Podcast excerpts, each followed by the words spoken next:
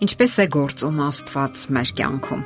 Աստված խոսում եւ գործում է իր զավակների միջոցով եւ նրանց միջոցով էլ դրսեւորում է իր բնավորությունը։ Իսկ թե ինչպիսին է նա եւ ինչպես է դրսեւորում իրեն իր զավակների միջոցով, ցույց է տալիս հետեւյալ հուզիչ պատմությունը։ Ձմեռային պայծառ եղանակ էր։ Ձյան մանրիկ փաթիլները պարեին բռնելոթում եւ կայսկլտալով հանդարտ իջնում էին ներքև։ Փողոցում ուրախ աղմուկ աղաղակով խաղում էին երեխաները։ Պատուհանի մոտ կանգնել էր առաջին դասարանցի Սոնան եւ խոհուն աչքերով նայում էր դուրս։ Նրա աչքերում թախից կար։ Նա ասես չեր էլ նկատում երեխաների ուրախ խաղը։ Նրա մայրը ծանր հիվանդ էր։ Նա մեկ արթնանում էր, հանգստանում, մեկ էլ կարծես տենդի ու զառանցանքի մեջ անհանգիստ շարժումներ էր անում։ Կանգնել էր Սոնան եւ անզորությունից լաց լինելով խնդրում էր մորը, որ չմահանա։ Տանը ոչ ոք չկար։ Նրանք միայնակ էին։ Հայրն իրենցից հեռացել էր դեռևս այն ժամանակ, երբ ինքը փոքրիկ էր, իսկ մայրը Գրետան մեծացել էր մանկատանը։ Այդ պատճառով էլ համարյա ոչ մի հարազատ չուներ։ Հանկարծ Գրետան արթնացավ ու աղջկան հարցրեց. «Ժամը քանի՞սն է աղջիկս»։ Մայրիկ արդեն դեղերը խմելու ժամանակն է։ Ահա վերցրու եւ խմիր ջրով, միայն թե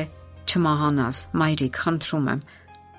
Ոչինչ, աղջիկս, մի վախենա։ Աստված անպայման կօգնի մեզ։ Ես չեմ մահանա, Չէ որ քեզ չի կարելի միայնակ թողնել։ Իսկ ով է նա, մայրիկ, ով է Աստված։ Ես երբեք չեմ լսել նրա մասին։ Գրետան լարելով ողջ ուժերը կիսաձայն սկսեց պատմել։ Երբ ինքը մանկատանն էր, մի տարեց դայակ ունեին, որին սիրում էին բոլորը։ Նա քրիստոնյա էր եւ հաճախ էր երեխաներին պատմում Աստծո մասին։ Ասում էր, որ նա ապրում է երկնքում եւ շատ բարի է, ինչպես նաեւ նա շատ է սիրում բոլորին Միայն նա կարող է մեզ օգնել աղջիկս։ Շշունջով խոսքն ավարտեց Գրետան ու դարձյալ խորասուզվեց ծանր քնի մեջ։ Իսկ Սոնան դեռ երկար մտորում էր մոր խոսքերի շուրջ։ Լավ է որ դեռևս կա մեկը, ում կարող են դիմել եւ օգնություն խնդրել։ Իսկ ինչպես անել դա։ Ինչպես տուն կանչել Աստծուն, որpիսի նա շատ արագ օգնի սիրելի մայրիկին։ Եվ հանկարծ աղջիկը հիշեց, թե ինչպես էր մայրիկը երբեմն նամակ գրում մանկատան իր ընկերներին ինչպես էր վերջում փակում ծրարը, գրում հասցեն, իսկ հետո միասին գնում էին մոտակա փոստատունը եւ նամակը գցում փոստարկղը։ Նա էլ որոշեց նամակ գրել Աստծուն։ Այդ մտքից անգամ սիրտը սկսեց արագ բաբախել։ Նա վերցրեց գրիչն ու նստեց սեղանի առաջ։ Այնքան ուրախ էր, որ կարող է այս ձևով օգնել մորը, չէ՞ որ մայրը շատ հիվանդ է։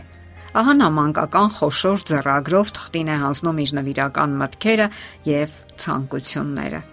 թանկագին Աստված, օգնիր մեզ, խնդրում եմ։ Մայրիկս շատ հիվանդ է։ Ես հաճախ եմ լաց լինում, վախենում եմ, որ նա կմահանա։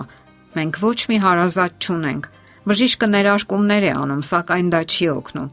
Մայրիկս հաճախ է տանքում քնի մեջ, սակայն ես չեմ կարողանում օգնել նրան։ Մայրիկն ասում է, որ դու բարի ես եւ շատ ես սիրում մեզ։ Արի մեզ մոտ, շատ եմ խնդրում։ Մենք սպասում ենք քեզ։ Ապա աղջիկը նամակը դնում է ծրարի մեջ եւ գրում հասցեն. Երկինք Աստծուն։ Իսկ իրենց հասցեն նա գրում է խոշոր թավ տառերով, որpիսի Աստված կարողանա հեշտորեն գտնել իրենց տունը։ Մնում է միայն նամակը փոստարկղը գցելը։ Նա հակնվեց եւ արագ դուրս վազեց։ Այսինչ բարձր է փոստարկղը։ Նա կանգնեց ոդքերի ծայրերին, սակայն միևնույնն է չհասավ նրան։ Հետաքրքիր է, շրջապատում ոչ ոք չկա ինչ է։ Հուսահատությունից նրա աչքերից դարձյալ արցունքներ հոսեցին, եւ հանկարծ ով ուրախություն, անկյունից մի կին է գալիս։ Նա մոտեցավ աղջկան։ Աղջիկս, դու լաց ես լինում, չես կարողանում ծրարը փոստարկղ գցել։ Ես կօգնեմ քեզ։ Նա վերցրեց նամակը եւ այն է ցանկանում էր գցել փոստարկղը, երբ հանկարծ աչքը կանգ առավ հասցեի վրա երկինք Աստծուն։ Հետո նա ուրشادիր նայեց լացող աղջկան ու հարցրեց. Աղջիկս, ես կարող եմ կարդալ քո նամակը։ Գիտես, ես լավ եմ ճանաչում Աստծուն եւ կարող եմ ավելի արագ նրան հասցնել քո նամակը։ Սոնան վստահությամբ նայեց անծանոթի բարի աչքերին եւ գլխով արեց։ Երբ անծանոթը կարդաց նամակը, նրա աչքերում արցունքներ հայտնվեցին։ Հետո նա նամակը դրեց գրպանն ու խնդրեց, որ աղջիկն իրենց տուն ուղեկցի իրեն։ Անծանոթ կինը ծնկի իջավ Գրետայի անկողնու մոտ։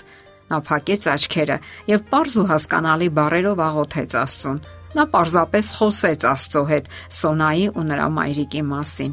Ապա շնորհակալություն հայտնեց Հիսուսին, որ նա կազմակերպեց հանդիպումն այս ընտանիքի հետ։ Սոնան հետաքրքրությամբ եւ ակնածանքով էր հետևում անծանոթ եւ այնքան բարի աչքերով կնոջը։ Տեսնես, ով է այն Հիսուսը, ում ինքը չի էլ ճանաչում եւ ում շնորհակալություն հայտնեց այդ կինը։ Կինը մի փոքր էլ մնաց ու հեռացավ, բայց զգուշացրեց, որ շուտով կվերադառնա, եւ մինչ Սոնան անհամբեր սպասում էր, նա իսկապես վերադարձավ, սակայն ոչ միայնակ։ Նրա հետ երկու կին էլ կային, նույն բարի աչքերով Նրանք էլ ժպիտով դիմավորեցին աղջկան, սիրալիր գրկեցին եւ արագ անցան խոհանոց, որ ճաշ պատրաստեն իրենց բերած մթերքներով։ Հետո լողացրին սոնային, փոխեցին հենց նոր արտնացած մայրիկի սպիտակեղենը, ապա մխիթարեցին եւ հույս տվեցին նրան։ Սոնան զարմանքով եւ հաճույքով էր նայում նրանց։ Նա ինչ որ անսովոր ուրախություն ու վստահություն էր զգում, փորձում էր հասկանալ, թե ինչ է կատարվում իրենց տանը։ Միգուցե նրանք հենց Աստծո մոտից էին եկել։ Եվ իսկապես Աստված իր քրիստոնյա զավակների միջոցով այցելել էր այդ տունը։ Անցան օրեր։ Կանայք շարունակում էին այցելել։ Շնորհիվ նրանց աղոթքների եւ լավ խնամքի Գրետան արագ ապակինվեց։ Մայր ու աղջիկ մտերմացան այդ կանանց հետ։ Նրանք ավելի շատ բաներ պատմեցին Աստծո մասին, որովհետև ավելի լավ էին ճանաչում նրան։ Սոնան ու մայրը բավականաչափ գիտելիքներ ստացան։ Նրանք անչափ ուրախ էին այդ ծանոթության համար եւ անընդհատ շնորհակալություն էին հայտնում Աստծուն։ Իսկ մի օր էլ որոշեցին եկեղեցի այցելել։ Սոնան արդեն ինքն էր աղոթում եւ զրուցում Աստծո հետ։ Բավական ժամանակ անցավ, աղջիկը մեծացավ։ Նամակը, որ ցանկանում էր ուղարկել Աստծուն, խնամքով պահպանում է մինչև հիմա։ Չէ որ դա ուղված էր հենց Աստծուն եւ գնացել էր շատ ճիշտ հասցեով։ Ահա թե ինչու այն սիրով էր պահպանում եւ հաճախ վերընթերցում եւ ցանկանում էր ինքն էլ նմանվել այն կանանց, ովքեր չհապաղեցին օգնության գալ իրենց եւ ճիշտ ձևով ներկայացնել Աստծուն։ Սուրբ եւ անարատ կրոնասիրությունը Աստծո եւ Հոր առաջ այս է որբերին եւ այրիներին նրանց նեղության ժամանակ այցելել եւ ինքն իրեն աշխարից անարատ պահել։ Կարդում ենք Աստվածաշնչում Հակոբոսի թղթերում։ Եթերում է ղողանջ հավերժության հաղորդաշարը։ Հարցերի եւ առաջարկությունների համար զանգահարել 033 87 87 87 հեռախոսահամարով։